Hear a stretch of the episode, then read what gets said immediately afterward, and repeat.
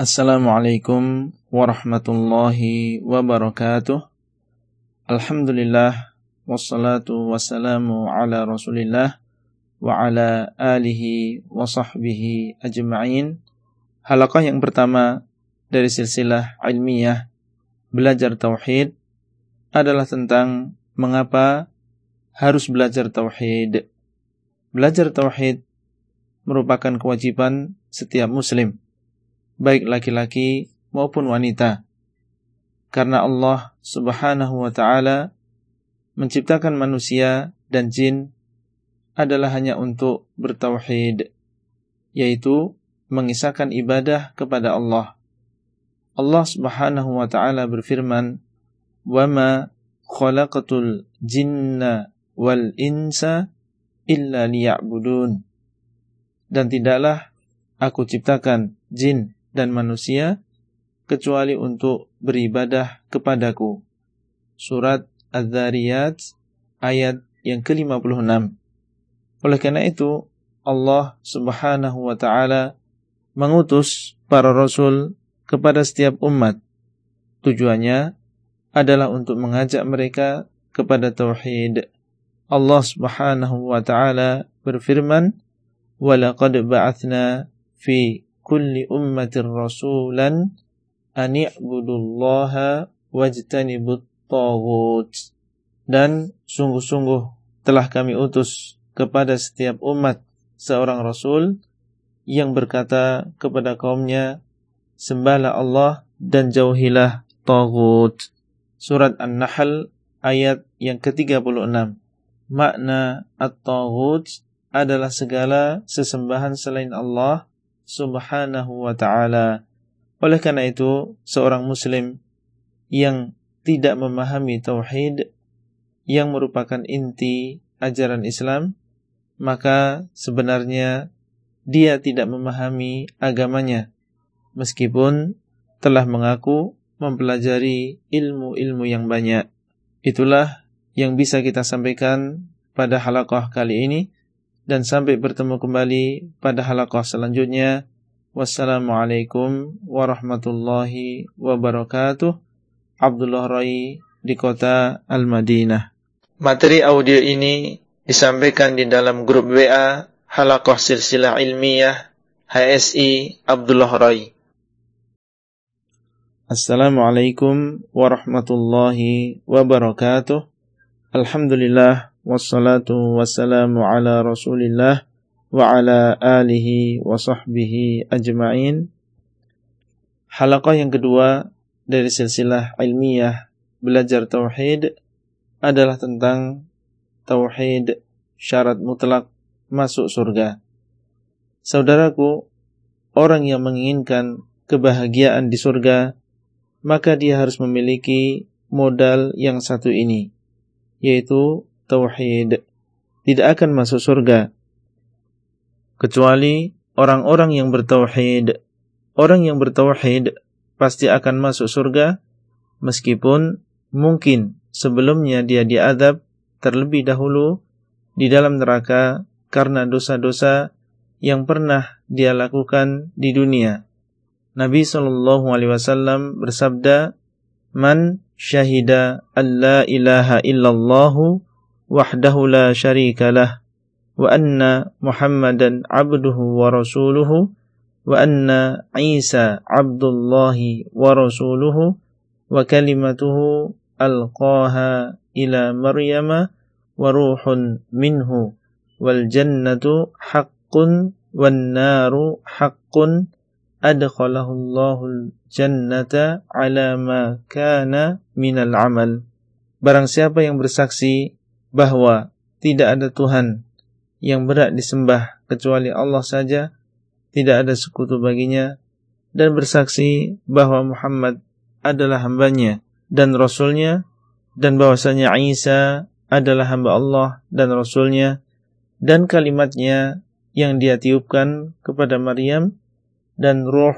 darinya, dan dia bersaksi bahwa surga benar adanya, dan neraka benar adanya, maka Allah akan memasukkannya ke dalam surga bagaimanapun amalan yang telah dia amalkan.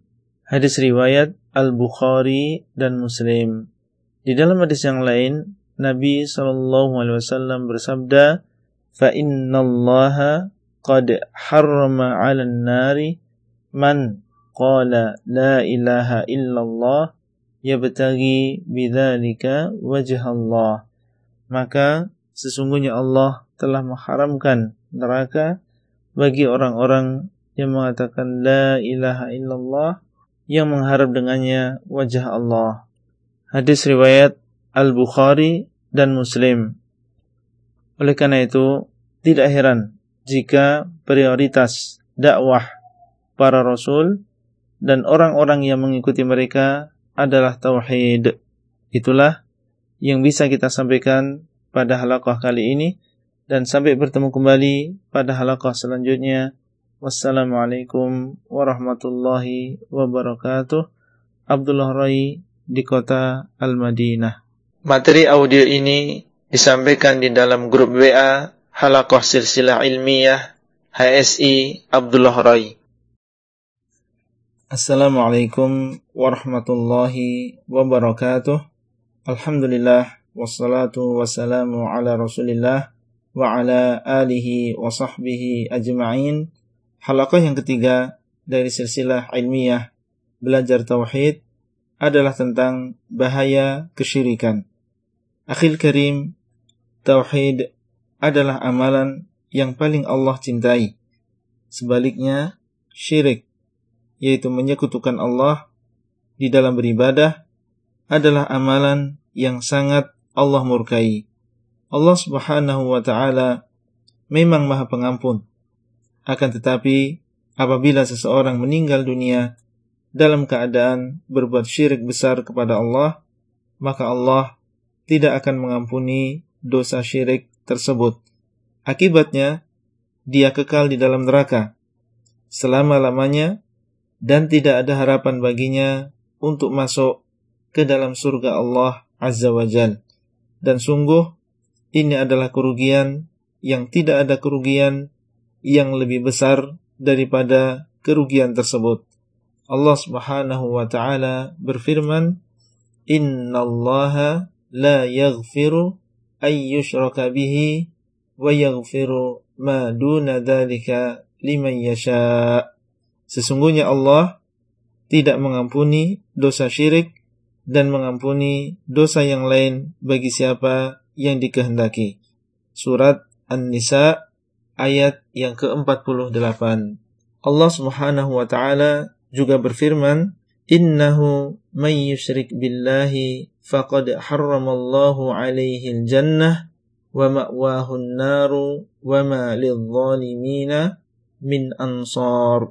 Sesungguhnya barang siapa yang menyekutukan Allah, maka Allah mengharamkan baginya surga dan tempat kembalinya adalah neraka dan tidak ada penolong bagi orang-orang yang zalim. Surat Al-Maidah ayat yang ke-72. Oleh karena itu, hati-hatilah saudaraku terhadap dosa yang satu ini. Terkadang seseorang terjerumus ke dalamnya sedangkan dia tidak menyadarinya. Bentengilah dirimu dengan perisai ilmu agama, belajarlah dan berdoalah kepada Allah dengan sejujur-jujurnya Semoga Allah Subhanahu wa taala melindungi kita dan keluarga kita dari perbuatan syirik. Itulah yang bisa kita sampaikan pada halaqah kali ini dan sampai bertemu kembali pada halaqah selanjutnya. Wassalamualaikum warahmatullahi wabarakatuh. Abdullah Rai di kota Al-Madinah. Materi audio ini disampaikan di dalam grup WA Halaqah Silsilah Ilmiah HSI Abdullah Rai. Assalamualaikum warahmatullahi wabarakatuh.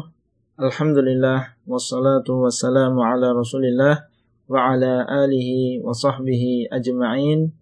Halaqah yang keempat dari silsilah ilmiah belajar tauhid adalah tentang syirik membatalkan amal. Pernahkah Anda kehilangan file data berharga hasil kerja keras Anda selama berhari-hari atau berbulan-bulan atau bertahun-tahun, bagaimanakah perasaan Anda saat itu? Sedih bukan?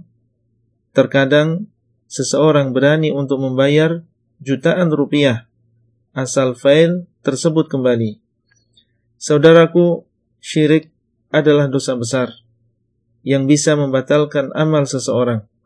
Allah Subhanahu wa taala berfirman, "Wa laqad uhiya ilaika wa ila alladhina min qablika la in asyrakta la yahbatanna 'amaluk wa la takunanna minal khasirin." Balillaha fa'bud wa kun minasyakirin. Dan sungguh-sungguh telah diwahyukan kepadamu, wahai Muhammad, dan orang-orang sebelummu, bahwa apabila kamu berbuat syirik, maka sungguh akan batal amalanmu, dan jadilah kamu termasuk orang-orang yang merugi. Maka sembahlah Allah saja, dan jadilah kamu termasuk orang-orang yang bersyukur. Surat Az-Zumar ayat yang ke-65 sampai ayat yang ke-66. Di dalam ayat ini disebutkan seorang nabi pun akan batal amalannya apabila ia berbuat syirik. Oleh karena itu, jagalah amalan yang sudah Anda tabung bertahun-tahun. Jangan biarkan amalan Anda hilang begitu saja karena kejahilan Anda terhadap tauhid dan syirik. Terkadang sebuah perbuatan yang kita anggap biasa bisa menghancurkan amalan sebesar gunung dan belum tentu ada waktu lagi untuk menabung kembali. Itulah yang bisa kita sampaikan pada halaqah kali ini dan sampai bertemu kembali pada halaqah selanjutnya.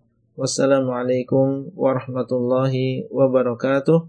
Abdullah Rai di kota Al-Madinah. Materi audio ini disampaikan di dalam grup WA Halaqah Silsilah Ilmiah HSI Abdullah Rai. Assalamualaikum warahmatullahi wabarakatuh.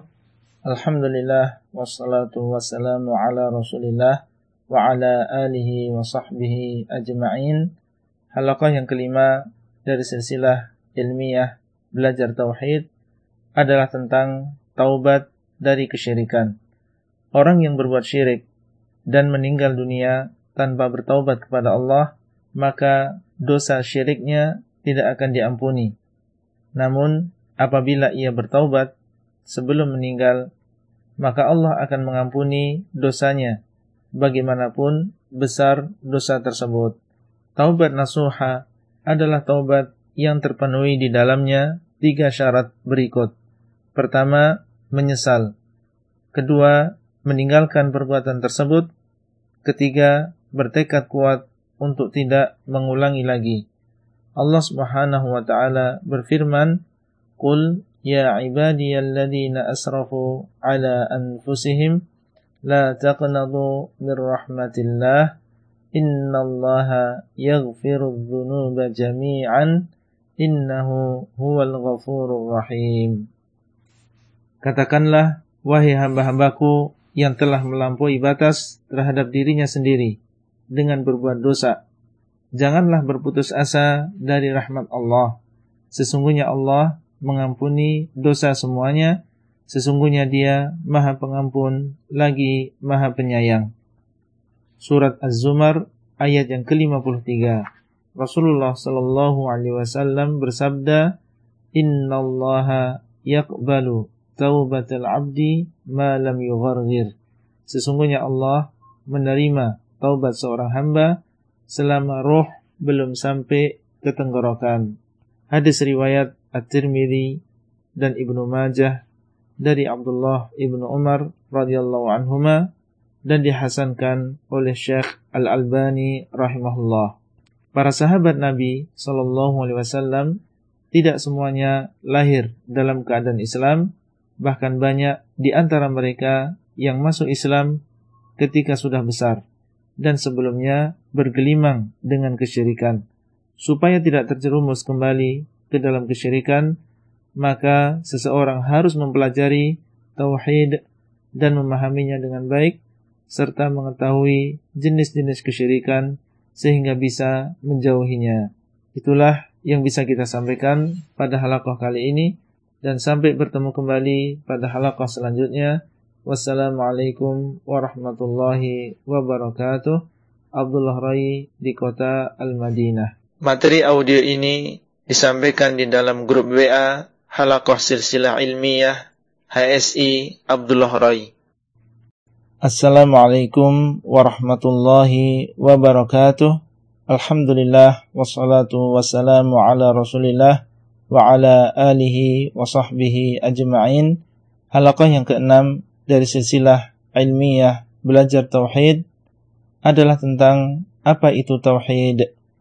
Saudara sekalian, semoga Allah Subhanahu wa taala memberikan pemahaman kepada kita semua. Sebelum jauh melangkah di dalam silsilah ini, tentunya kita harus benar-benar memahami apa makna tauhid yang wajib kita pelajari dan kita amalkan. Tauhid secara bahasa adalah mengisahkan. Adapun secara istilah, maka tauhid adalah mengisahkan Allah di dalam beribadah.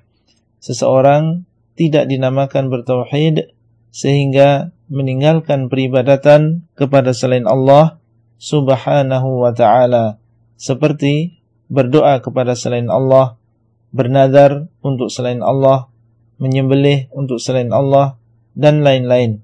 Apabila seseorang beribadah kepada Allah dan menyerahkan sebagian ibadah kepada selain Allah, siapapun dia, baik kepada seorang nabi, malaikat, atau selainnya, maka inilah yang dinamakan dengan syirik, yaitu menyekutukan Allah di dalam beribadah. Allah Subhanahu wa taala berfirman, "Wa id qala Ibrahim li abihi wa qaumihi innani bara'um mimma ta'budun illa alladhi fatarani. Dan ingatlah ketika Ibrahim berkata kepada bapaknya dan kaumnya, sesungguhnya aku berlepas diri dari apa yang kalian sembah, kecuali zat yang telah menciptakanku. Surat Az-Zukhruf ayat 26 sampai 27. Rasulullah sallallahu alaihi wasallam bersabda, "Man qala la ilaha illallah wa kafara bima yu'badu min dunillah haruma maluhu wa damuhu wa hisabuhu 'ala Allah." Barang siapa yang mengatakan la ilaha illallah dan mengingkari segala sesuatu yang disembah selain Allah, maka haram harta dan darahnya, yaitu tidak boleh diganggu, dan perhitungannya atas Allah. Hadis riwayat Muslim. Oleh karena itu, rukun kalimat tauhid la ilaha illallah ada dua, yaitu sebagai berikut. Nafi atau pengingkaran, yaitu pada kalimat la ilaha yang artinya tidak ada Tuhan yang berat disembah. Ini adalah kalimat pengingkaran, yakni mengingkari Tuhan-Tuhan selain Allah subhanahu wa ta'ala. Yang kedua, ithbat, yaitu penetapan pada kalimat illallah yang artinya kecuali Allah. Ini adalah kalimat penetapan, yakni menetapkan Allah subhanahu wa ta'ala sebagai satu-satunya sesembahan. Wallahul muwaffiq, itulah yang bisa kita sampaikan pada halaqah kali ini dan sampai bertemu kembali pada halaqah selanjutnya. Wassalamualaikum warahmatullahi wabarakatuh. Abdullah Rai di kota Al-Madinah. Materi audio ini disampaikan di dalam grup WA Halaqah Silsilah Ilmiah HSI Abdullah Rai. Assalamualaikum warahmatullahi wabarakatuh. Alhamdulillah wassalatu wassalamu ala rasulillah wa ala alihi wa sahbihi ajma'in Halaqah yang ketujuh dari silsilah ilmiah Belajar Tauhid adalah tentang termasuk syirik memakai jimat Saudaraku, Allah subhanahu wa ta'ala adalah zat yang memberikan manfaat dan mudarat Kalau Allah menghendaki untuk memberikan manfaat kepada seseorang, maka tidak akan ada yang bisa mencegahnya. Demikian pula sebaliknya, ketika Allah menghendaki untuk menimpakan musibah kepada seseorang, maka tidak akan ada yang bisa menolaknya. keyakinan tersebut melazimkan kita sebagai seorang muslim untuk hanya bergantung kepada Allah Subhanahu wa taala semata dan merasa cukup dengan Allah di dalam usaha mendapatkan manfaat dan menghindari mudarat seperti dalam mencari rezeki, mencari keselamatan, kesembuhan dari penyakit dan lain-lain serta tidak bergantung sekali-kali kepada benda-benda yang dikeramatkan seperti jimat, wafak, susuk dan yang sejenisnya. Rasulullah Shallallahu Alaihi Wasallam mengingatkan, "Man 'allaqa tamimatan faqad asyrak." Barang siapa yang menggantungkan tamimah yaitu jimat dan yang semisalnya, maka sungguh dia telah berbuat syirik. Hadis riwayat Ahmad dan disahihkan Syekh Al-Albani rahimahullah. Apabila seseorang meyakini bahwa barang tersebut adalah sebab saja, maka hal itu termasuk syirik kecil karena dia telah menjadikan sesuatu yang bukan sebab sebagai sebab padahal yang berhak menentukan sesuatu sebagai sebab atau tidak adalah zat yang menciptakannya yaitu Allah. Perlu diketahui bahwa dosa syirik kecil tidak bisa disepelekan karena dosa syirik kecil tetap lebih besar daripada dosa-dosa besar seperti dosa zina, dosa membunuh dan lain-lain. Kemudian apabila seseorang meyakini bahwa barang tersebut dengan sendirinya memberikan manfaat dan memberikan mudarat, maka hal itu termasuk syirik besar yang mengeluarkan seseorang dari Islam. Semoga Allah SWT memudahkan saudara-saudara kita untuk meninggalkan perbuatan syirik yang sudah tersebar ini dan menjadikan ketergantungan hati kita dan mereka hanya kepada Allah. Hasbunallahu wa ni'mal wakil. Itulah yang bisa kita sampaikan pada halaqah kali ini dan sampai bertemu kembali pada halaqah selanjutnya. Wassalamualaikum warahmatullahi wabarakatuh. Abdullah Rai di kota Al-Madinah. Materi audio ini disampaikan di dalam grup WA Halakoh Silsilah Ilmiah HSI Abdullah Rai. Assalamualaikum warahmatullahi wabarakatuh. Alhamdulillah wassalatu wassalamu ala Rasulillah wa ala alihi wa sahbihi ajma'in. Halaqah yang kedelapan dari silsilah ilmiah belajar tauhid adalah tentang bertabarruk atau mencari barokah. Barokah adalah banyaknya kebaikan dan langgengnya. Allah Subhanahu wa taala adalah zat yang berbarokah, artinya zat yang banyak kebaikannya. Allah Subhanahu wa taala berfirman, "Tabarakallahu Rabbul Alamin. Dialah Allah yang banyak barokahnya, Rabb semesta alam. Surat Al-A'raf ayat yang ke-54. Allah jugalah zat yang memberikan keberkahan atau kebaikan kepada sebagian makhluknya. Sehingga makhluk tersebut menjadi makhluk yang berbarokah dan banyak kebaikannya. Allah Subhanahu wa taala berfirman, "Inna awwala baitin wudi'a lin-nasi lalladzi bi Bakkah mubarakan wa hudan lil alamin." Sesungguhnya rumah yang pertama yang diletakkan bagi manusia untuk beribadah adalah rumah yang ada di Mekah yang berbarokah dan petunjuk bagi seluruh alam. Surat Al-Imran ayat yang ke-96. Ka'bah diberikan barokah oleh Allah Subhanahu wa taala dan cara mendapatkan barokahnya adalah dengan melakukan ibadah di sana. Allah Subhanahu wa taala juga berfirman, "Inna anzalnahu fi lailatin mubarakatin inna kunna mundirin." Sesungguhnya kami telah menurunkannya yaitu Al-Qur'an pada malam yang berbarokah, sesungguhnya kami memberi peringatan. surat Ad-Dukhan ayat yang ketiga.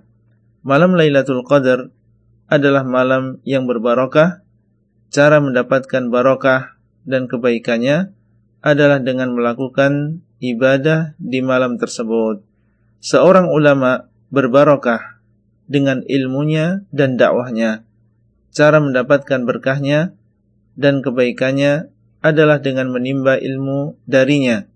Di sana ada barokah yang sifatnya zatiyah yaitu zatnya yang berbarokah. Di mana barokah seperti ini bisa berpindah. Barokah jenis ini hanya Allah Subhanahu wa taala berikan kepada para nabi dan rasul.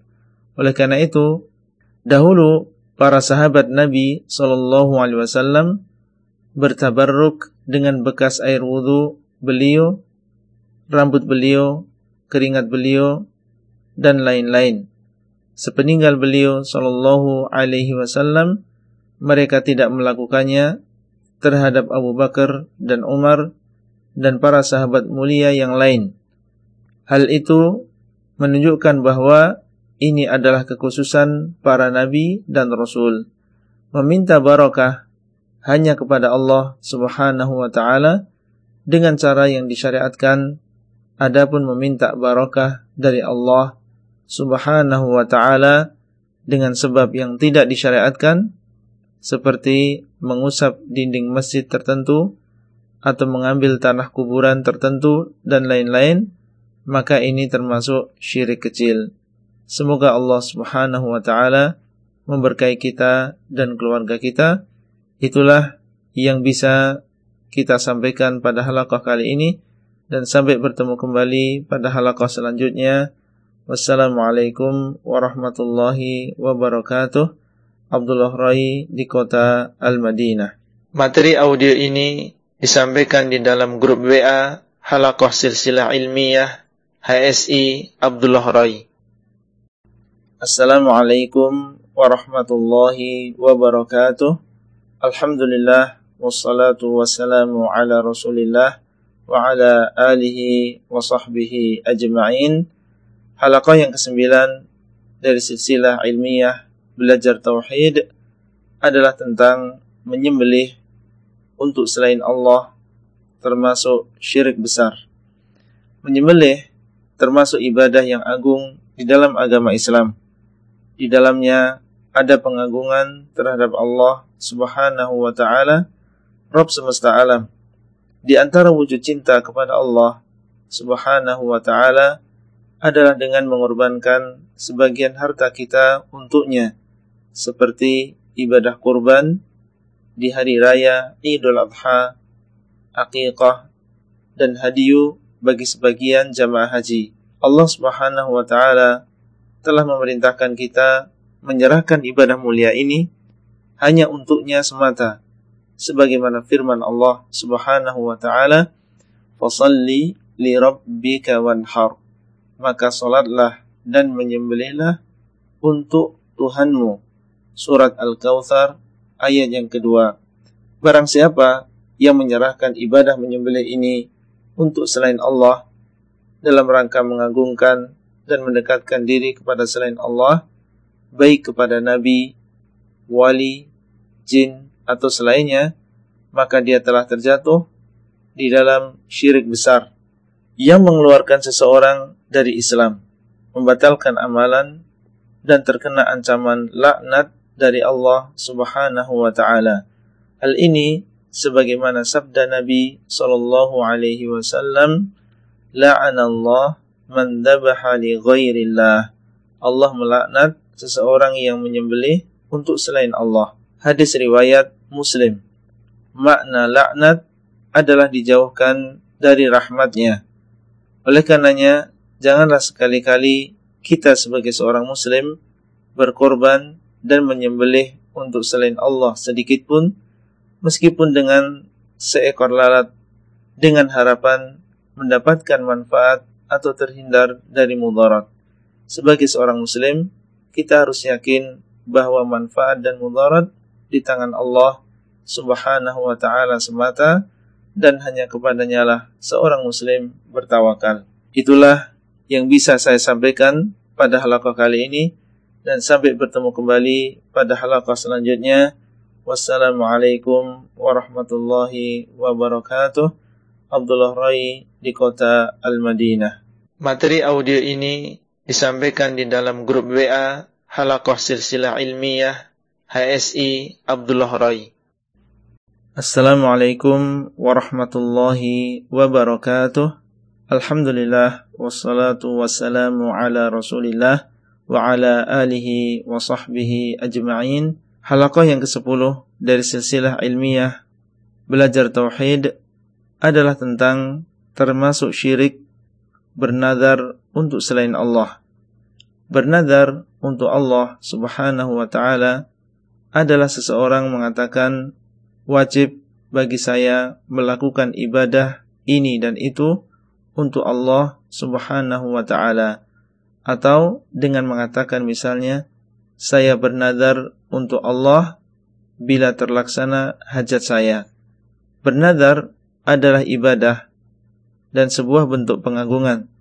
Karenanya bernadar tidak diperkenankan kecuali untuk Allah Subhanahu wa taala semata seperti orang yang bernadar untuk berpuasa satu hari bila lulus ujian atau bernadar untuk Allah akan mengadakan umrah bila sembuh dari penyakitnya dan lain-lain.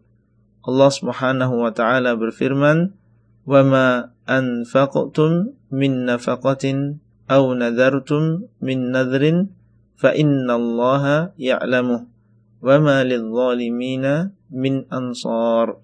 Dan apa yang kalian infakkan atau yang kalian nadarkan, maka sesungguhnya Allah mengetahuinya dan tidak ada penolong bagi orang-orang yang zalim. Surat Al-Baqarah ayat 270. Di dalam ayat ini Allah mengabarkan bahwa Allah Subhanahu wa taala mengetahui nazar para hambanya dan akan membalas dengan balasan yang baik.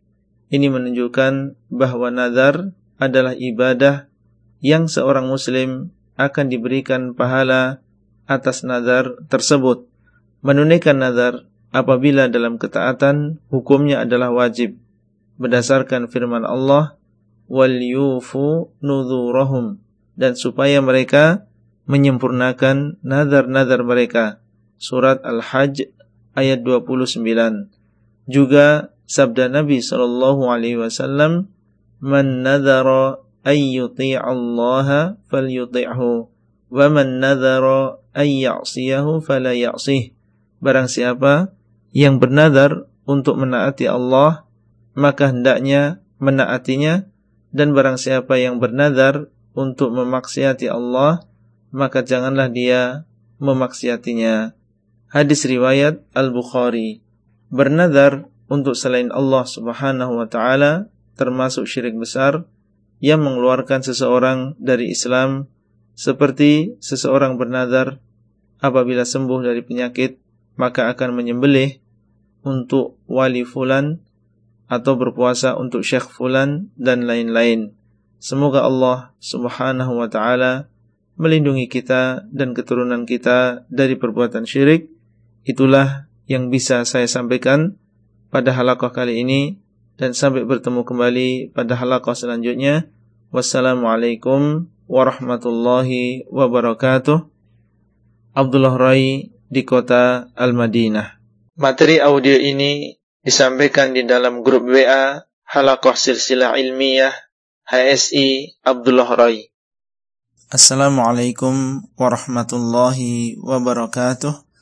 Alhamdulillah wassalatu wassalamu ala Rasulillah wa ala alihi wa sahbihi ajma'in.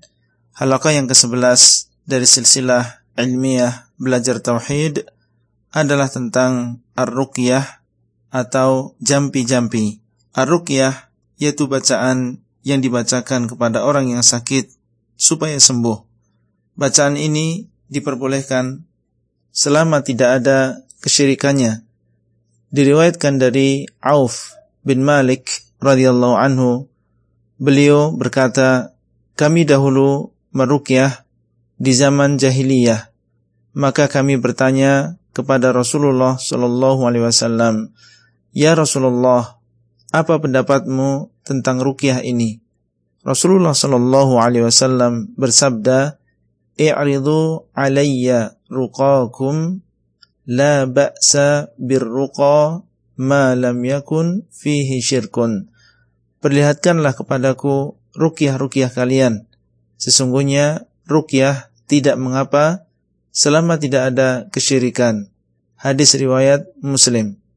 Rukyah yang tidak ada kesyirikan adalah seperti rukyah dari ayat-ayat Al-Quran, dari doa-doa yang diajarkan Nabi Shallallahu Alaihi Wasallam, dan ini lebih utama, atau dengan doa-doa yang lain yang diketahui kebenaran maknanya, baik dengan bahasa Arab maupun dengan selain bahasa Arab. Kemudian hendaknya orang yang merukyah ataupun yang dirukyah meyakini bahwasanya rukyah hanyalah sebab semata, tidak berpengaruh dengan sendirinya dan tidak boleh seseorang bertawakal kepada sebab tersebut. Seorang muslim mengambil sebab dan bertawakal kepada zat yang menciptakan sebab tersebut yaitu Allah Subhanahu wa taala. Rukyah yang mengandung kesyirikan adalah jampi-jampi atau bacaan yang mengandung permohonan kepada selain Allah Subhanahu wa taala baik kepada jin, wali atau selainnya biasanya disebutkan di situ nama-nama mereka tidak jarang jampi-jampi seperti ini dicampur dengan ayat-ayat Al-Qur'an atau dengan nama-nama Allah Subhanahu wa taala atau dengan kalimat yang berasal dari bahasa Arab dengan tujuan untuk mengelabui orang-orang yang jahil dan tidak tahu. Ruqyah yang mengandung kesyirikan telah dijelaskan oleh Rasulullah sallallahu alaihi wasallam di dalam sabda beliau, "Innar ruqa wat tamaima wat syirkun." Sesungguhnya jampi-jampi, jimat-jimat dan pelet adalah syirik.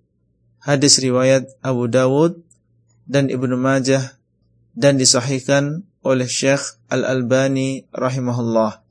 Itulah yang bisa saya sampaikan pada halaqah kali ini dan sampai bertemu kembali pada halaqah selanjutnya. Wassalamualaikum warahmatullahi wabarakatuh. Abdullah Rai di kota Al-Madinah. Materi audio ini disampaikan di dalam grup WA Halaqah Silsilah Ilmiah HSI Abdullah Rai. Assalamualaikum warahmatullahi wabarakatuh. Alhamdulillah wassalatu wassalamu ala Rasulillah wa ala alihi wa sahbihi ajma'in.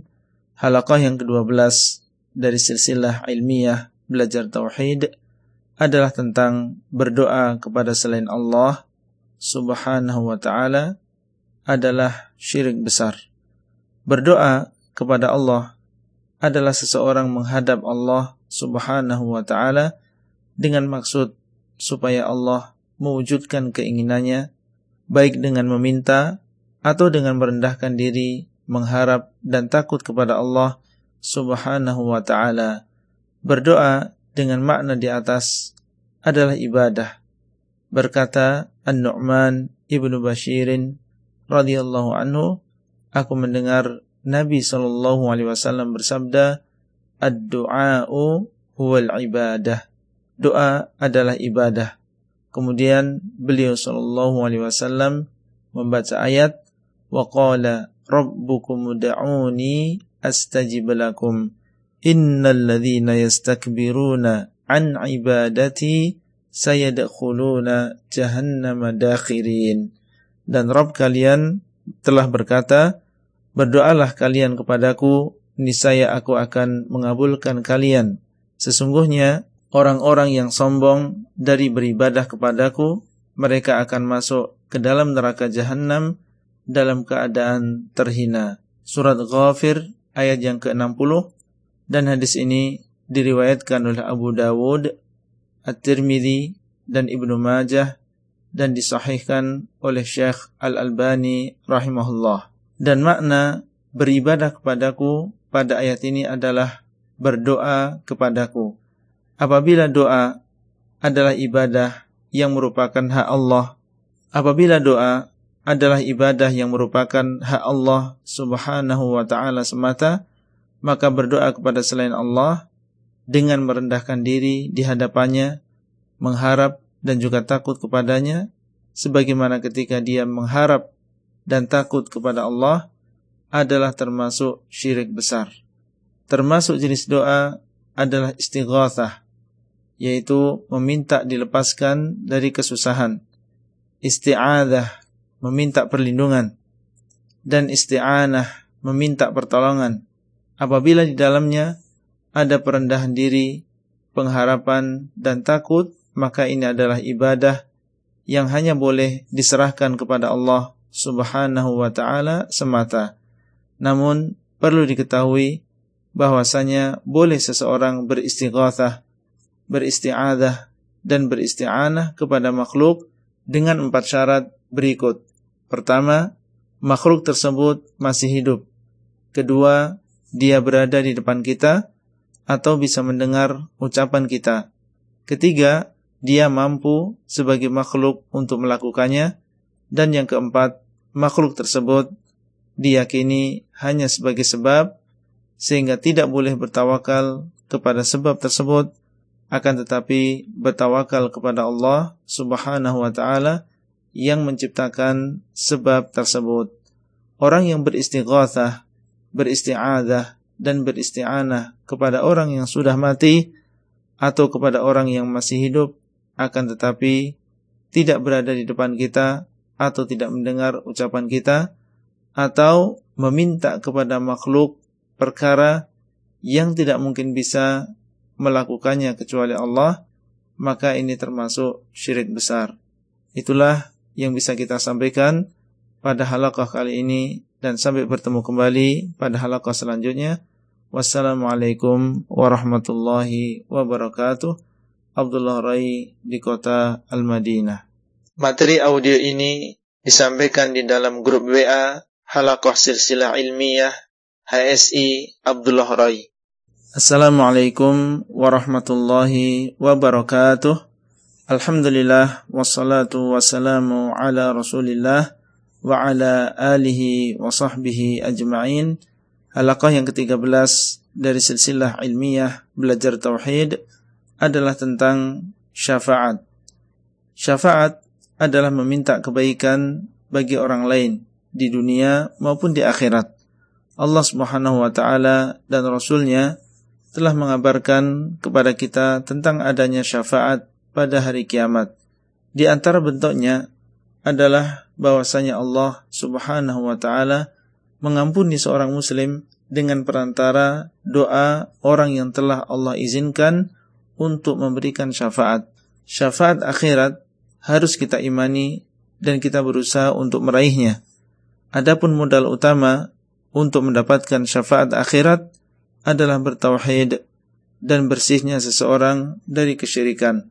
Rasulullah Shallallahu Alaihi Wasallam bersabda ketika beliau mengabarkan tentang bahwasanya beliau memiliki syafaat pada hari kiamat fahiyan nailatun insyaallah man mata min ummati la yushriku billahi syai'a syafaat itu akan didapatkan insyaallah oleh setiap orang yang mati dari umatku yang tidak menyekutukan Allah sedikit pun Hadis riwayat Muslim.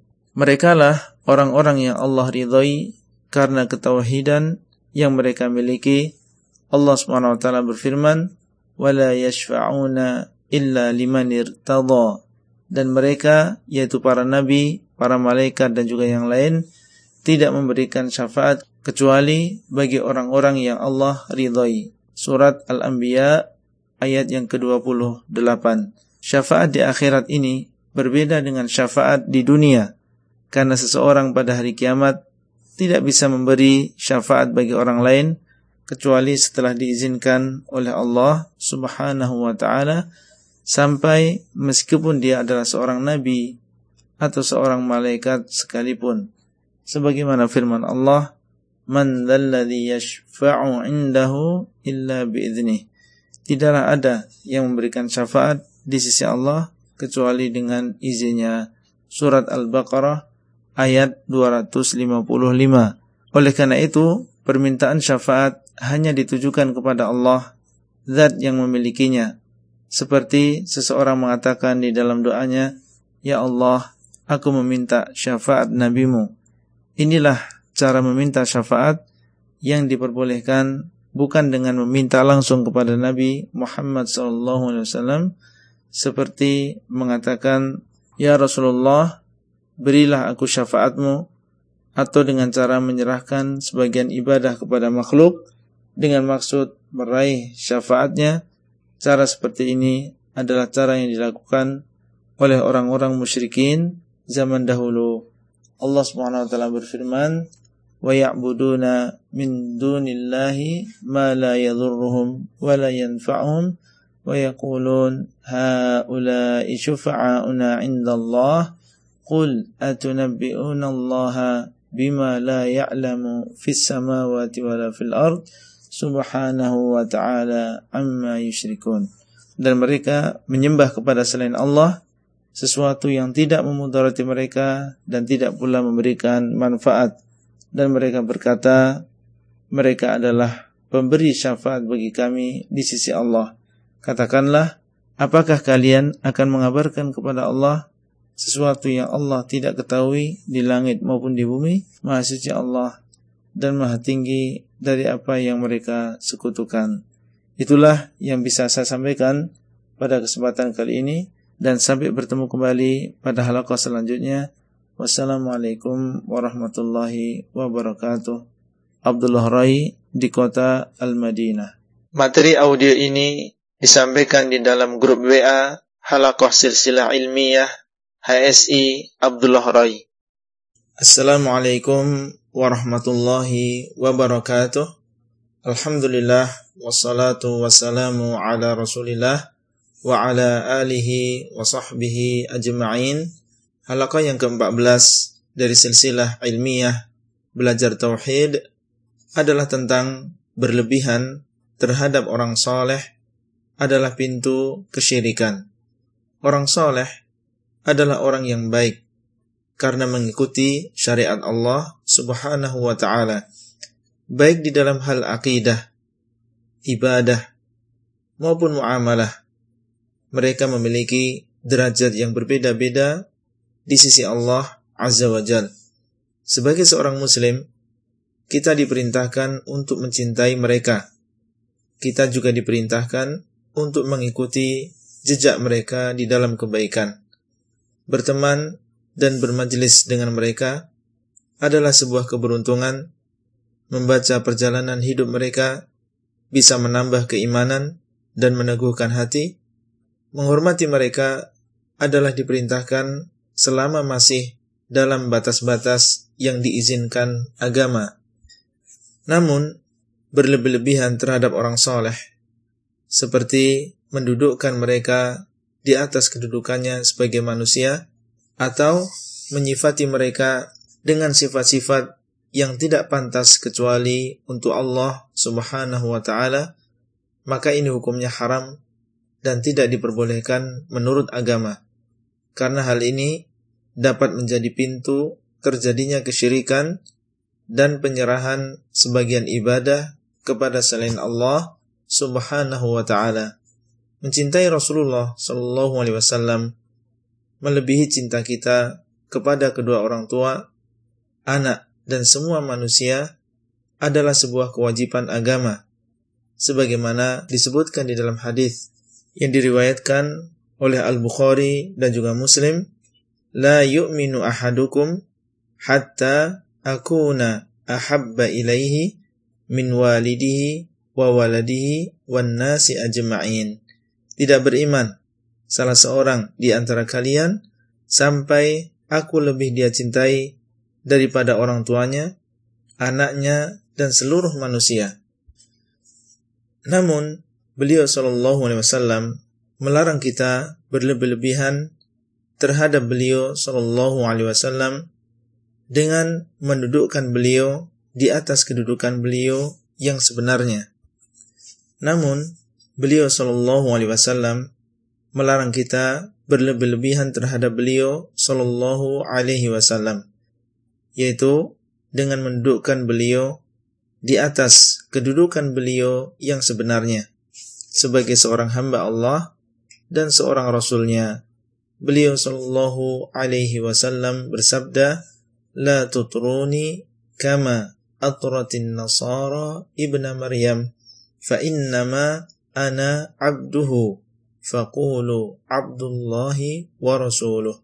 Janganlah kalian berlebih-lebihan terhadapku sebagaimana orang-orang Nasrani berlebih-lebihan terhadap Isa bin Maryam. Sesungguhnya aku adalah hambanya, maka katakanlah hamba Allah dan Rasulnya. Hadis riwayat Al-Bukhari. Beliau adalah seorang hamba, maka tidak boleh disembah, dan beliau adalah seorang Rasul, maka tidak boleh dicela dan diselisihi. Apabila berlebih-lebihan terhadap sebaik-baik manusia saja, yaitu Rasulullah Shallallahu Alaihi Wasallam tidak diperbolehkan, maka bagaimana dengan yang lain? Di antara bentuk hulu berlebih-lebihan terhadap orang-orang soleh adalah meyakini bahwa mereka mengetahui ilmu gaib atau membangun di atas kuburan mereka atau beribadah kepada Allah Subhanahu wa taala di samping kuburan mereka dan lain-lain dan yang paling parah adalah menyerahkan sebagian ibadah kepada mereka. Semoga Allah Subhanahu wa taala melapangkan hati kita untuk menerima kebenaran. Itulah yang bisa kita sampaikan pada halaqah kali ini dan sampai bertemu kembali pada halaqah selanjutnya. Wassalamualaikum warahmatullahi wabarakatuh. Abdullah Rai di kota Al-Madinah. Materi audio ini disampaikan di dalam grup WA Halakoh Silsilah Ilmiah HSI Abdullah Rai. Assalamualaikum warahmatullahi wabarakatuh. Alhamdulillah wassalatu wassalamu ala Rasulillah wa ala alihi wa sahbihi ajma'in. Halaqah yang ke-15 dari silsilah ilmiah belajar tauhid adalah tentang sihir. Sihir bermacam-macam jenisnya. Sihir yang merupakan kesyirikan adalah sihir yang terjadi dengan meminta pertolongan kepada setan. Padahal setan tidak akan menolong seseorang kecuali setelah melakukan perkara yang dia ridhai, yaitu kufur kepada Allah Subhanahu wa taala dengan menyerahkan sebagian ibadah kepada setan tersebut atau dengan menghina Al-Quran, atau dengan mencela agama, dan sebagainya. Allah Subhanahu wa taala berfirman, "Wa ma kafara Sulaiman walakinna asyayatin kafaru yu'allimuna an-nasa as-sihra." Dan bukanlah Sulaiman yang kafir, akan tetapi setan-setanlah yang kafir, mereka mengajarkan sihir kepada manusia. Surat Al-Baqarah ayat 102. Rasulullah Shallallahu alaihi wasallam bersabda Ijtanibus sab'al mubiqat Jauhilah tujuh perkara yang membinasakan Para sahabat bertanya Ya Rasulullah Apakah tujuh perkara tersebut? Maka beliau Shallallahu alaihi wasallam menyebutkan tujuh perkara Yang pertama adalah syirik kepada Allah Kemudian yang kedua adalah sihir. Hadis riwayat Al-Bukhari dan Muslim. Hukuman bagi seorang tukang sihir jenis ini adalah hukuman mati bila dia tidak bertobat sebagaimana telah dicontohkan oleh para sahabat Nabi Shallallahu alaihi wasallam. Adapun yang berhak melakukan hukuman tersebut adalah pemerintah yang sah, bukan individu-individu. Mempelajari sihir termasuk perkara yang diharamkan, bahkan sebagian ulama menghukumi pelakunya keluar dari Islam. Demikian pula meminta supaya disihirkan juga perbuatannya haram karena Rasulullah Shallallahu Alaihi Wasallam mengabarkan bahwa bukan termasuk pengikut beliau orang yang menyihir dan yang minta disihirkan. Sebagaimana dalam sebuah riwayat yang diriwayatkan oleh Al-Bazzar di dalam musnadnya dan disahihkan oleh Syekh Al-Albani rahimahullah. Seorang muslim hendaknya mengambil sebab untuk membentengi diri dari sihir. Di antaranya adalah dengan menjaga zikir-zikir yang disyariatkan seperti zikir pagi dan petang, zikir-zikir setelah sholat lima waktu, zikir akan tidur, mau makan, masuk rumah, keluar rumah, masuk kamar kecil, keluar dari kamar kecil, dan lain-lain. Selain itu, juga membersihkan diri dan rumah dari perkara-perkara yang membuat ridho setan, seperti jimat-jimat, musik, gambar-gambar makhluk bernyawa, dan lain-lain. Apabila qadarullah terkena sihir, maka hendaknya bersabar, merendahkan diri kepada Allah subhanahu wa ta'ala, memohon darinya kesembuhan dan berpegang dengan rukiah-rukiah yang disyariatkan, serta jangan sekali-kali berusaha menghilangkan sihir dengan meminta bantuan jin, baik secara langsung maupun lewat dukun, paranormal, dan yang semisal dengan mereka.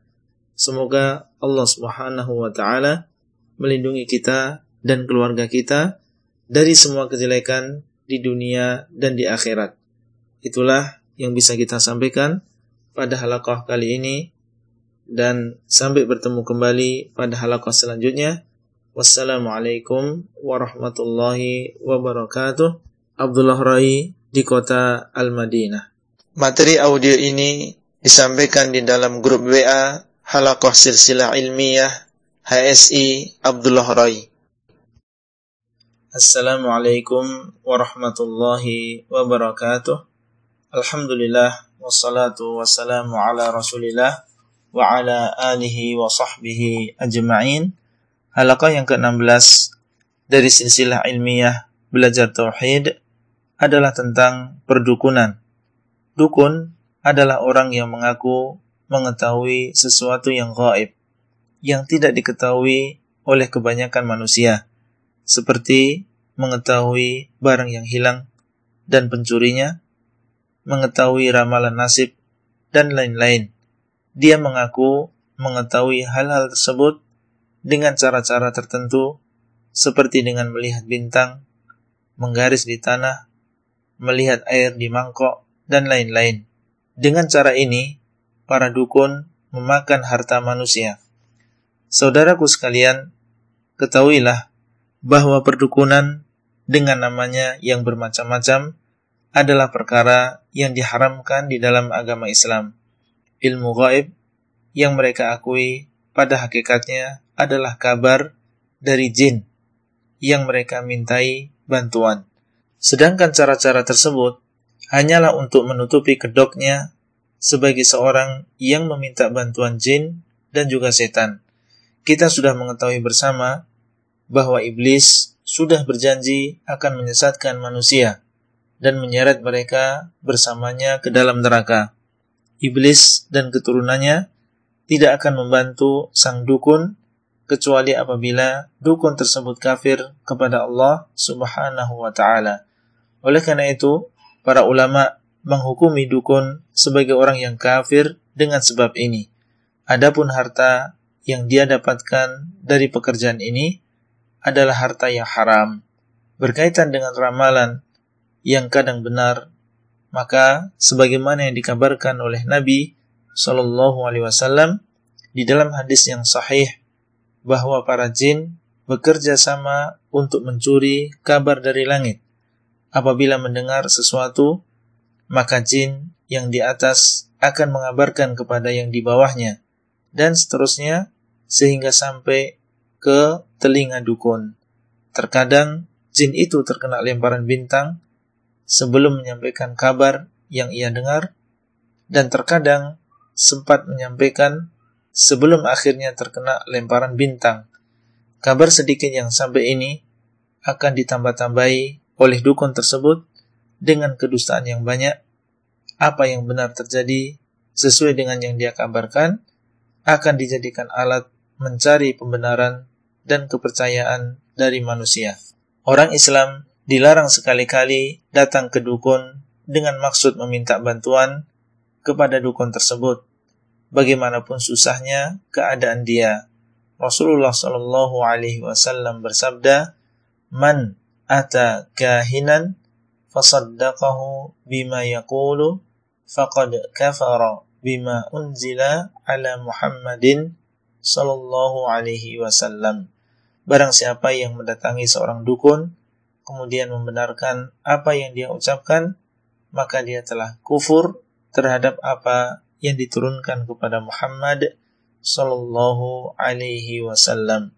Hadis riwayat Abu Dawud, At-Tirmidzi dan Ibnu Majah dan disahihkan oleh Syekh Al-Albani rahimahullah. Di dalam hadis lain, beliau sallallahu alaihi wasallam mengatakan, "Man ata arrafan fas'alahu an syai'in lam tuqbal lahu salatun arba'ina lailah." Barang siapa mendatangi dukun kemudian bertanya kepadanya tentang sesuatu, maka tidak diterima darinya salat selama 40 hari. Hadis riwayat Muslim. Meskipun sebagian ulama berpendapat bahwa mendatangi dukun tidak sampai mengeluarkan seseorang dari Islam, namun kedua hadis di atas cukup menunjukkan besarnya dosa orang yang mendatangi dukun. Semoga Allah Subhanahu wa taala menjadikan kita merasa cukup dengan yang halal dan menjauhkan kita dari yang haram. Itulah yang bisa kita sampaikan pada halaqah kali ini dan sampai bertemu kembali pada halaqah selanjutnya. Wassalamualaikum warahmatullahi wabarakatuh. Abdullah Rai di kota Al-Madinah. Materi audio ini disampaikan di dalam grup WA Halaqah Silsilah Ilmiah HSI Abdullah Rai. Assalamualaikum warahmatullahi wabarakatuh. Alhamdulillah wassalatu wassalamu ala Rasulillah wa ala alihi wa sahbihi ajma'in. Halaqah yang ke-17 dari silsilah ilmiah belajar tauhid adalah tentang at-tatayyur atau merasa sial dengan sesuatu. At-tatayyur adalah merasa akan bernasib sial karena melihat atau mendengar kejadian tertentu seperti melihat tabrakan atau orang berkelahi atau yang semisalnya. Kemudian hal tersebut menyebabkan dia tidak jadi melaksanakan hajatnya, seperti bepergian, berdagang, dan lain-lain. At-tatayyur termasuk syirik kecil. Apabila perasaan tersebut diikuti. Rasulullah Shallallahu Alaihi Wasallam bersabda, "Man raddathu at-tiyaratu min hajatin faqad asyrak." Barang siapa yang at-tiyarah menyebabkan dia tidak jadi melaksanakan hajatnya, maka dia telah berbuat syirik. Hadis riwayat Ahmad dan disahihkan oleh Syekh Al-Albani rahimahullah. Perasaan ini sebenarnya tidak akan mempengaruhi takdir. Sebagaimana hal ini dinafikan dan diingkari oleh Rasulullah Shallallahu alaihi wasallam. Beliau bersabda, "Wala tiyarah." Dan tidak ada tiarah. Hadis riwayat Al-Bukhari dan Muslim. Maksudnya, tiarah ini adalah hanya sebuah perasaan saja yang tidak akan berpengaruh terhadap takdir Allah. Oleh karena itu, seorang muslim tidak boleh mengikuti was-was setan ini dan hendaknya dia memiliki keyakinan yang kuat bahwa semua yang terjadi di permukaan bumi berupa kebaikan dan keburukan adalah dengan takdir Allah Subhanahu wa taala semata. Seorang mukmin hendaknya yakin bahwa tidak ada yang mendatangkan kebaikan kecuali Allah Subhanahu wa taala dan tidak melindungi dari keburukan kecuali Allah Subhanahu wa taala. Hanya bertawakal kepada Allah semata dan berbaik sangka hanya kepada Allah. Apabila datang perasaan was-was tersebut, maka hendaknya segera dihilangkan dengan tawakal dan tetaplah dia melaksanakan hajatnya. Apa yang terjadi setelah itu adalah takdir Allah Subhanahu wa taala semata. Adapun at-tafaul maka diperbolehkan di dalam agama kita. Tafaul artinya adalah berbaik sangka kepada Allah karena melihat atau mendengar sesuatu. Dahulu Nabi SAW sering bertafaul seperti ketika terjadi perjanjian Hudaybiyah. Utusan Quraisy saat itu bernama Suhel. Suhel adalah bentuk tasgir atau pengecilan dari Sahel yang artinya adalah mudah. Maka beliau pun berbaik sangka kepada Allah bahwa perjanjian ini akan membawa kemudahan dan kebaikan bagi umat Islam. Maka benarlah persangkaan beliau Sallallahu Alaihi Wasallam Allah Subhanahu Wa Taala setelah itu yaitu setelah perjanjian Hudaybiyah membuka pintu-pintu kemudahan bagi umat Islam. Itulah yang bisa kita sampaikan pada halaqah kali ini dan sampai bertemu kembali pada halaqah selanjutnya. Wassalamualaikum warahmatullahi wabarakatuh. Abdullah Rai di kota Al-Madinah. Materi audio ini disampaikan di dalam grup WA Halaqah Silsilah Ilmiah HSI Abdullah Rai. Assalamualaikum warahmatullahi wabarakatuh. Alhamdulillah wassalatu wassalamu ala Rasulillah wa ala alihi wa sahbihi ajma'in. Halaqah yang ke-18 dari silsilah ilmiah belajar tauhid adalah tentang meramal nasib dengan bintang. Bintang adalah makhluk yang menunjukkan kebesaran Allah penciptanya. Allah telah mengabarkan di dalam Al-Quran bahwa bintang ini memiliki tiga faedah sebagai berikut. Pertama, sebagai perhiasan langit kedua sebagai pelempar setan, dan yang ketiga adalah sebagai petunjuk manusia, seperti mengetahui arah utara atau selatan, mengetahui arah daerah, arah kiblat, atau mengetahui kapan datangnya musim menanam, musim hujan, dan lain-lain. Allah Subhanahu wa taala tidak menciptakan bintang untuk perkara yang lain selain tiga perkara di atas seorang salaf Qatadah bin Di'amah As-Sadusi rahimahullah seorang ulama yang meninggal kurang lebih pada tahun 110 Hijriah beliau menjelaskan bahwa barang siapa yang meyakini bintang memiliki faedah yang lain selain tiga hal di atas maka dia telah bersalah dan berbicara tanpa ilmu ucapan ini dikeluarkan oleh Al-Imam Al-Bukhari di dalam sahih beliau. Contohnya adalah meyakini bahwasanya terbit dan tenggelamnya bintang atau berkumpul dan berpisahnya beberapa bintang berpengaruh kepada keberuntungan seseorang di masa yang akan datang, baik dalam masalah rezeki, jodoh, dan lain-lain.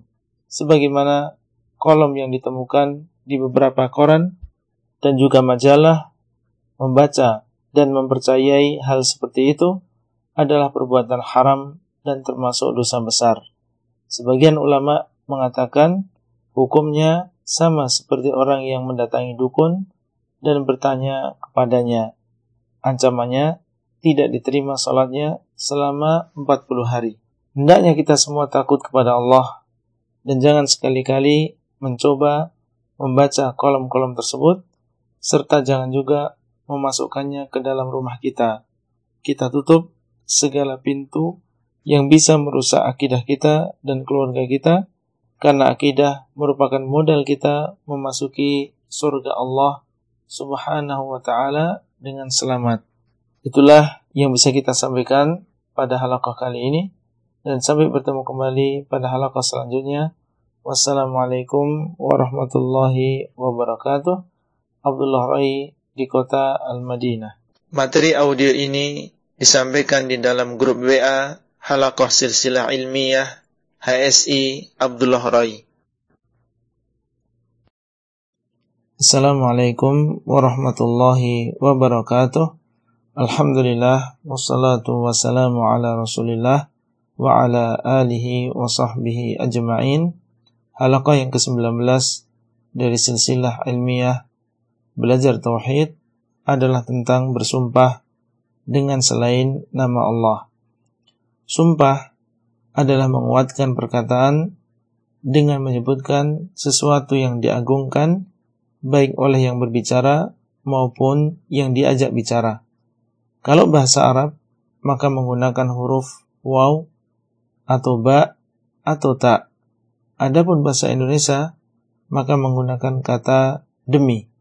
Bersumpah hanya diperbolehkan dengan nama Allah semata, misalnya dengan mengatakan Wallahi demi Rob yang menciptakan langit dan bumi, demi zat yang jiwaku berada di tangannya, dan lain-lain. Adapun makhluk, bagaimanapun agungnya di mata manusia, maka tidak boleh kita bersumpah dengan namanya. Misalnya dengan mengatakan demi Rasulullah, demi Ka'bah, demi Jibril, demi langit dan bumi, demi bulan dan bintang, dan lain-lain. Ini semua termasuk jenis pengagungan terhadap makhluk yang terlarang. Rasulullah Shallallahu Alaihi Wasallam bersabda, "Man halafa bi ghairillahi faqad asyrak. Barang siapa yang bersumpah dengan selain nama Allah, maka sungguh dia telah berbuat syirik. Hadis riwayat Abu Dawud dan juga At-Tirmidzi dan disahihkan oleh Syekh Al-Albani rahimahullah. Syirik dalam hadis ini pada asalnya adalah syirik kecil yang tidak mengeluarkan seseorang dari Islam. Namun bisa sampai kepada syirik besar apabila dia mengucapkan sumpah dengan makhluk disertai pengagungan seperti kalau dia mengagungkan Allah. Seperti sumpah yang dilakukan orang-orang musyrik dengan mengatakan demi Wisnu atau demi Dewa Fulan atau demi Lata dan lain-lain. Itulah yang bisa kita sampaikan pada halaqah kali ini dan sampai bertemu kembali pada halaqah selanjutnya. Wassalamualaikum warahmatullahi wabarakatuh. Abdullah Rai di kota Al-Madinah. Materi audio ini disampaikan di dalam grup WA Halakoh Silsilah Ilmiah HSI Abdullah Rai. Assalamualaikum warahmatullahi wabarakatuh. Alhamdulillah wassalatu wassalamu ala Rasulillah wa ala alihi wa sahbihi ajma'in. Halaqah yang ke-20 dari silsilah ilmiah belajar tauhid adalah tentang riya.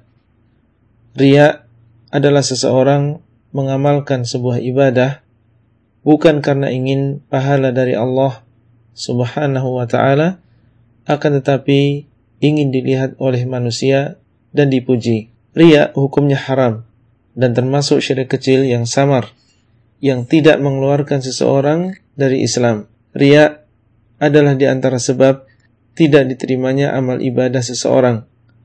Bagaimanapun besar amalan tersebut. Rasulullah Shallallahu alaihi wasallam bersabda, "Qala Allah tabaraka wa ta'ala, ana aghna syuraka'i 'ani syirki man 'amila 'amalan asyraka fihi ma'i ghairi taraktuhu wa syirkah. Allah berfirman, Aku adalah zat yang paling tidak butuh dengan syirik. Barang siapa yang mengamalkan sebuah amalan, dia menyekutukan aku bersama yang lain di dalam amalan tersebut, maka aku akan meninggalkannya dan juga kesyirikannya. Hadis riwayat Muslim. Sebagian ulama berpendapat bahwa syirik yang kecil tidak ada harapan untuk diampuni oleh Allah Subhanahu wa taala. Artinya, dia harus diadab supaya bersih dari dosa riak tersebut. Berbeda dengan dosa besar yang ada di bawah kehendak Allah, yang kalau Allah mengendaki maka diampuni langsung, dan kalau Allah mengendaki maka akan diadab terlebih dahulu. Mereka berdalil dengan keumuman ayat innallaha la yaghfiru ay yushraka bihi wa yaghfiru ma duna dzalika liman yasha. Sesungguhnya Allah tidak mengampuni dosa syirik dan mengampuni dosa yang lain bagi siapa yang dikehendaki. An-Nisa ayat yang ke-48. Tahukah kita siapa orang yang pertama kali nanti akan dinyalakan api neraka dengan mereka? Mereka bukanlah preman-preman di jalan atau pembunuh yang kejam, tetapi mereka justru adalah orang-orang yang beramal saleh. Mereka adalah orang yang mengajarkan Al-Quran supaya dikatakan sebagai seorang qari yaitu seorang yang suka membaca Al-Quran atau seorang yang mahir membaca Al-Quran dan juga orang yang berinfak supaya dikatakan dermawan dan berjihad supaya dikatakan pemberani. Mereka beramal bukan karena Allah sebagaimana hal ini dikabarkan oleh Nabi Shallallahu Alaihi Wasallam di dalam hadis yang sahih yang diriwayatkan oleh At-Tirmidzi. Oleh karena itu, saudara sekalian, ikhlaslah di dalam beramal dan ikhlas adalah barang yang sangat berharga. Para salaf kita pun merasa atau merasakan beratnya memperbaiki hati mereka. Hanya kepada Allah kita meminta keikhlasan di dalam beramal menjauhkan kita dari riak, sum'ah, dan ujub, dan berbagai penyakit hati, dan marilah kita biasakan untuk menyembunyikan amal kita, kecuali kalau memang ada maslahat yang lebih kuat. Itulah yang bisa kita sampaikan pada halakoh kali ini, dan sampai bertemu kembali pada halakoh selanjutnya. Wassalamualaikum warahmatullahi wabarakatuh. Abdullah Rai di kota Al-Madinah. Materi audio ini disampaikan di dalam grup WA Halakoh Silsilah Ilmiah HSI Abdullah Rai. Assalamualaikum warahmatullahi wabarakatuh. Alhamdulillah wassalatu wassalamu ala Rasulillah wa ala alihi wa sahbihi ajma'in. Halaqah yang ke-21 dari silsilah belajar tauhid adalah tentang cinta kepada Allah. Mencintai Allah merupakan ibadah yang agung. Cinta yang merupakan ibadah ini mengharuskan seorang muslim merendahkan dirinya di hadapan Allah, mengagungkan Allah, dan akhirnya akan membawa seseorang melaksanakan perintah Allah dan menjauhi apa yang Allah larang. Inilah cinta yang merupakan ibadah. Barang siapa yang menyerahkan cinta seperti ini kepada selain Allah, maka dia telah berbuat syirik yang besar. Allah berfirman, "Wa minan nasi may yattakhidhu min dunillahi andadan yuhibbunahum kahubbillah walladzina amanu ashaddu hubbalillah. Dan di antara manusia ada orang-orang yang menjadikan selain Allah sebagai sekutu-sekutu Allah. Mereka mencintainya sebagaimana mereka mencintai Allah. Adapun orang-orang yang beriman, maka cinta mereka kepada Allah jauh lebih besar. Surat Al-Baqarah ayat 165. Adapun cinta yang merupakan tabiat manusia seperti cinta, keluarga, harta, pekerjaan, dan lain-lain, maka hal ini diperbolehkan selama tidak melebihi cinta kita kepada Allah. Apabila seseorang mencintai perkara-perkara tersebut melebihi cintanya kepada Allah, maka dia telah melakukan dosa besar.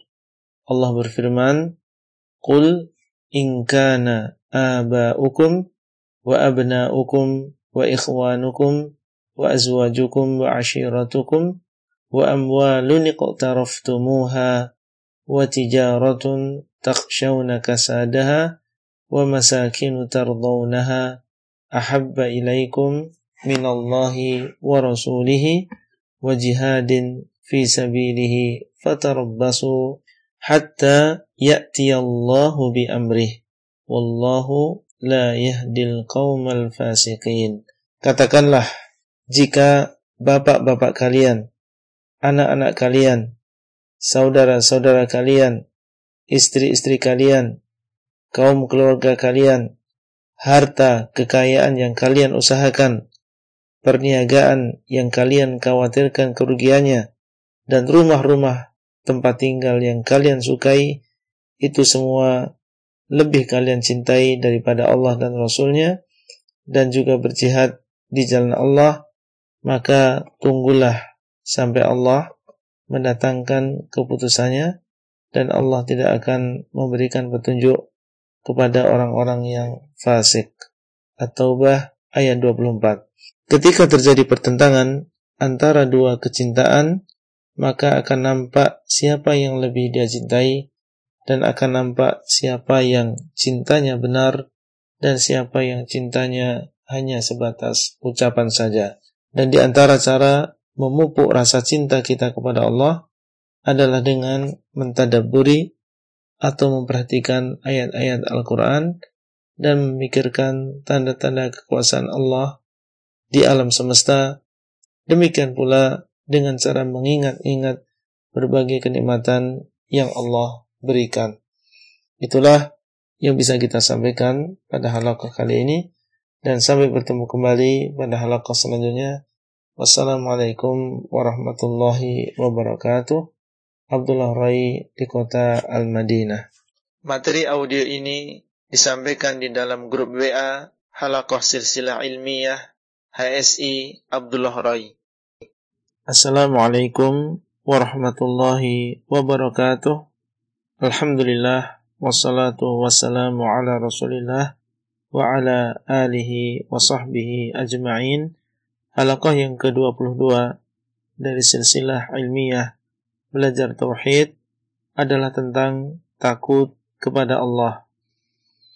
Di antara keyakinan seorang muslim bahwa manfaat dan mudarat adalah di tangan Allah semata. Seorang muslim tidak takut kecuali kepada Allah dan tidak bertawakal kecuali hanya kepada Allah. Takut kepada Allah yang dibenarkan adalah takut yang membawa pelakunya kepada merendahkan diri di hadapan Allah, mengagungkannya, dan membawanya untuk menjauhi larangan Allah dan melaksanakan perintahnya. Bukan takut yang berlebihan yang membawa kepada keputusasaan terhadap rahmat Allah dan juga bukan takut yang terlalu tipis yang tidak membawa pemiliknya kepada ketaatan kepada Allah. Takut seperti ini adalah ibadah. Tidak boleh sekali-kali seorang muslim menyerahkan takut seperti ini kepada selain Allah. Barang siapa menyerahkannya kepada selain Allah, maka dia telah terjerumus ke dalam syirik besar yang dapat mengeluarkan seseorang dari Islam. Misalnya, orang yang takut mudarat wali fulan yang sudah meninggal, kemudian takut tersebut menjadikan dia merendahkan diri di hadapan kuburannya dan kemudian mengagungkannya. Hendaknya seorang muslim meneladani Nabi Ibrahim alaihi salam ketika beliau berkata, "Wala akhafu ma tusyrikuna bihi illa ayyasha'a rabbi syai'a." Dan aku tidak takut dengan sesembahan kalian, mereka tidak memudaratiku kecuali apabila Robku menghendaki. Al-An'am ayat yang ke-80. Di antara takut yang diharamkan adalah takutnya seseorang kepada makhluk melebihi takutnya kepada Allah. Sehingga takut tersebut membuat dia meninggalkan perintah Allah atau melanggar larangan Allah seperti orang yang meninggalkan jihad yang wajib atasnya karena takut kepada orang-orang kafir atau tidak melarang kemungkaran karena takut celaan manusia padahal dia mampu. Allah berfirman, "Innama dzalikumus syaitanu yukhawwifu awliya'ah fala takhafuhum wa khafuni in kuntum mu'minin." Sesungguhnya itu hanyalah setan yang menakut-nakuti kalian dengan wali-walinya. Karena itu, janganlah kalian takut kepada mereka, tetapi takutlah kalian kepadaku jika kalian benar-benar orang yang beriman. Ali Imran 175 Di antara cara menghilangkan rasa takut kepada makhluk yang diharamkan adalah berlindung kepada Allah Subhanahu wa taala dari bisikan setan dan mengingat sabda Nabi sallallahu alaihi wasallam wa'lam anna al-ummata law ijtama'at syai'in lam yanfa'uka illa bi syai'in qad katabahu Allah laka walau ijtama'u ala an yadurruka bi syai'in lam yadurruka illa bi syai'in qad katabahu Allah alaik. Ketahuilah bahwa seandainya umat semuanya berkumpul untuk memberi manfaat kepadamu, niscaya mereka tidak bisa memberikan manfaat kecuali dengan apa yang sudah Allah tulis. Dan seandainya mereka berkumpul untuk memberi mudarat kepadamu, niscaya mereka tidak bisa memberi mudarat kecuali dengan apa yang sudah Allah tulis. Hadis riwayat At-Tirmidzi dan disahihkan oleh Syekh Al-Albani rahimahullah. Diperbolehkan takut yang merupakan tabiat manusia, seperti takut kepada panasnya api, binatang buas, dan takut seperti ini bukanlah takut yang merupakan ibadah dan juga bukan takut yang membawa seseorang meninggalkan perintah atau melanggar larangan Allah Subhanahu wa taala. Ini adalah takut yang tabiat yang para nabi pun tidak terlepas darinya. Itulah yang bisa kita sampaikan pada halaqah kali ini dan sampai bertemu kembali pada halaqah selanjutnya. Wassalamualaikum warahmatullahi wabarakatuh. Abdullah Rai di kota Al-Madinah. Materi audio ini disampaikan di dalam grup WA Halakoh Silsilah Ilmiah HSI Abdullah Rai. Assalamualaikum warahmatullahi wabarakatuh. Alhamdulillah wassalatu wassalamu ala Rasulillah wa ala alihi wa sahbihi ajma'in. Halaqah yang ke-23 dari silsilah ilmiah belajar tauhid adalah tentang taat ulama di dalam kebenaran. Ulama adalah orang-orang yang memiliki ilmu tentang Allah Subhanahu wa taala dan juga agamanya, yaitu ilmu yang membawa dirinya untuk bertakwa kepada Allah Subhanahu wa taala. Para ulama adalah pewaris para nabi dan kedudukan mereka di dalam agama Islam adalah sangat tinggi. Allah Subhanahu wa taala telah mengangkat derajat para ulama dan memerintahkan kita untuk taat kepada mereka selama mereka menyeru dan mengajak kepada kebenaran dan juga kebaikan. Allah Subhanahu wa taala berfirman, "Ya ayyuhalladzina amanu athi'ullaha wa athi'ur rasula wa ulil amri minkum."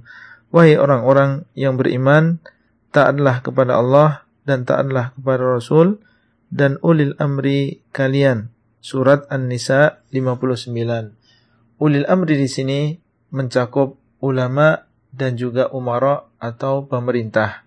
Menghormati para ulama bukan berarti menaati mereka di dalam segala hal sampai kepada kemaksiatan. Ulama seperti manusia yang lain, ijtihad mereka terkadang salah dan terkadang benar. Kalau benar, mereka mendapatkan dua pahala dan kalau salah mereka mendapatkan satu pahala. Apabila telah jelas kebenaran bagi seorang muslim dan jelas bahwasanya seorang ulama menyelisihi kebenaran tersebut dalam sebuah permasalahan, maka tidak boleh seseorang menaati ulama tersebut dan kemudian dia meninggalkan kebenaran. Rasulullah Shallallahu alaihi wasallam bersabda, "La ta'ata fi ma'siyatillahi innamat ta'atu fil ma'ruf. Tidak ada ketaatan dalam kemaksiatan kepada Allah, sesungguhnya ketaatan hanya di dalam kebenaran. Hadis riwayat Al-Bukhari dan Muslim. apabila seseorang menaati ulama dalam kemaksiatan kepada Allah Subhanahu wa taala, maka dia telah menjadikan ulama tersebut sebagai pembuat syariat dan bukan penyampai syariat. Ini seperti yang dilakukan oleh orang-orang Yahudi dan Nasrani sebagaimana disebutkan oleh Allah di dalam firman-Nya, "Ittakhadhu ahbarahum wa ruhbanahum arbaban min dunillah. Mereka, yaitu orang-orang Yahudi dan Nasrani, menjadikan ulama dan ahli ibadah mereka sebagai sesembahan selain Allah. Surat At-Taubah ayat yang ke-31.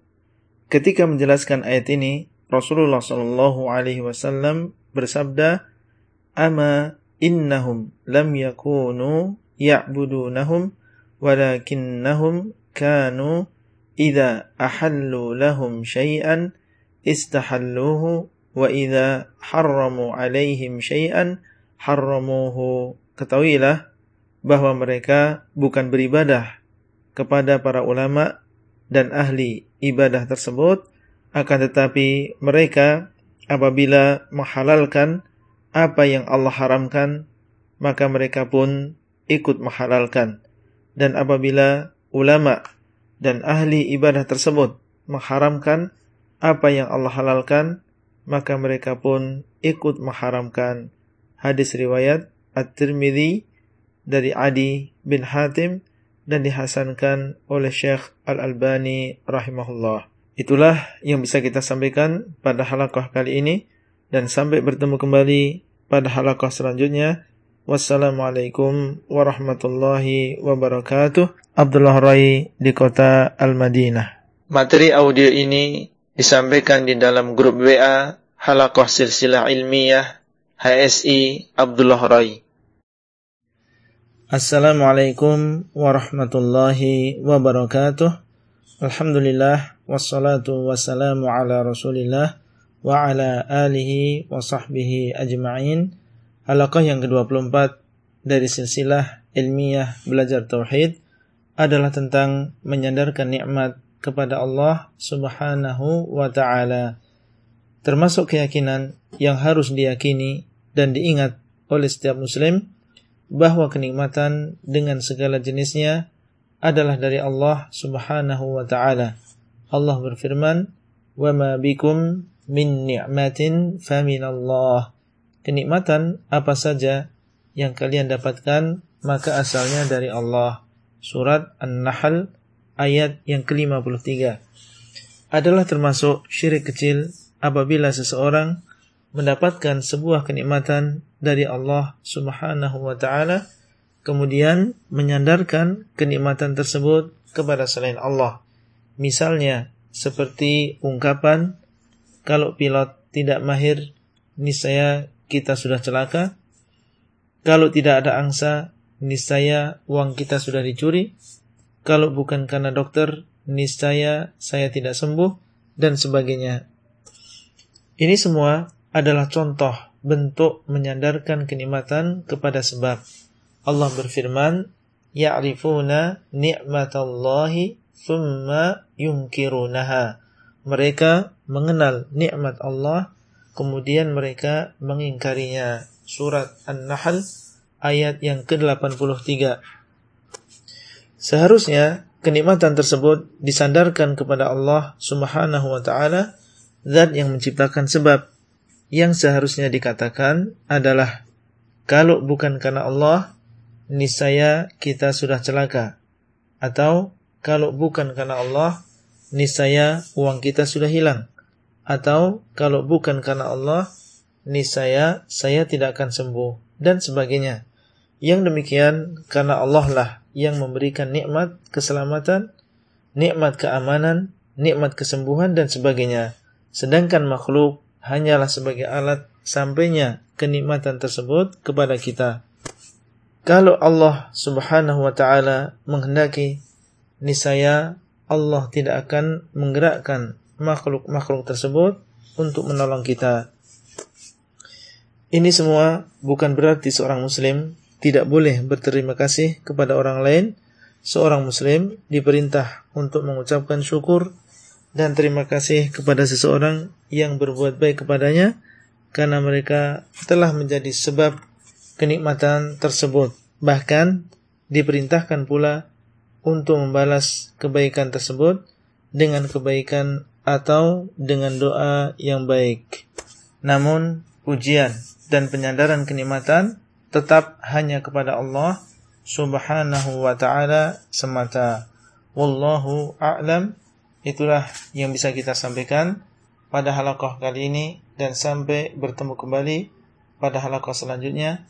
Wassalamualaikum warahmatullahi wabarakatuh. Abdullah Rai di kota Al-Madinah. Materi audio ini disampaikan di dalam grup WA Halaqah Silsilah Ilmiah HSI Abdullah Rai. Assalamualaikum warahmatullahi wabarakatuh. Alhamdulillah wassalatu wassalamu ala Rasulillah wa ala alihi wa sahbihi ajma'in. Halaqah yang ke-25 dari silsilah ilmiah belajar tauhid adalah tentang ridha dengan hukum Allah. Allah Subhanahu wa taala sebagai pencipta manusia sangat menyayangi ciptaannya. Dialah Ar-Rahman, Ar-Rahim, di antara bentuk kasih sayang Allah adalah menurunkan syariat supaya manusia mendapatkan kebahagiaan dan terhindar dari kesusahan di dunia maupun di akhirat. Dialah yang maha mengetahui dan maha bijaksana, hukumnya penuh dengan keadilan, hikmah dan juga kebaikan, meskipun kadang samar atas sebagian manusia. Oleh karena itu, menjadi keharusan bagi seorang muslim dan juga muslimah untuk ridha dengan hukum Allah dan yakin bahwasanya kebaikan semuanya di dalam hukum Allah, di dalam segala bidang kehidupan, akidah, akhlak, adab, muamalah, ekonomi, kenegaraan dan lain-lain. Mengisahkan Allah Subhanahu wa taala di dalam hukum-hukumnya adalah termasuk konsekuensi tauhid Allah Subhanahu wa taala berfirman, "Wa ma kana la mu'minatin idza qadallahu wa rasuluhu amran ay yakuna lahumul khiyaratu min amrihim wa man ya'sillaha wa rasulahu faqad dhalla dhalalan mubina." Dan tidaklah pantas bagi seorang laki-laki yang mukmin dan wanita yang mukminah apabila Allah dan Rasulnya telah menetapkan suatu ketetapan akan ada bagi mereka pilihan yang lain di dalam urusan mereka. Dan barang siapa yang mendurhakai Allah dan Rasulnya, maka sungguh dia telah sesat dengan kesesatan yang nyata. Surat Al-Ahzab ayat 36.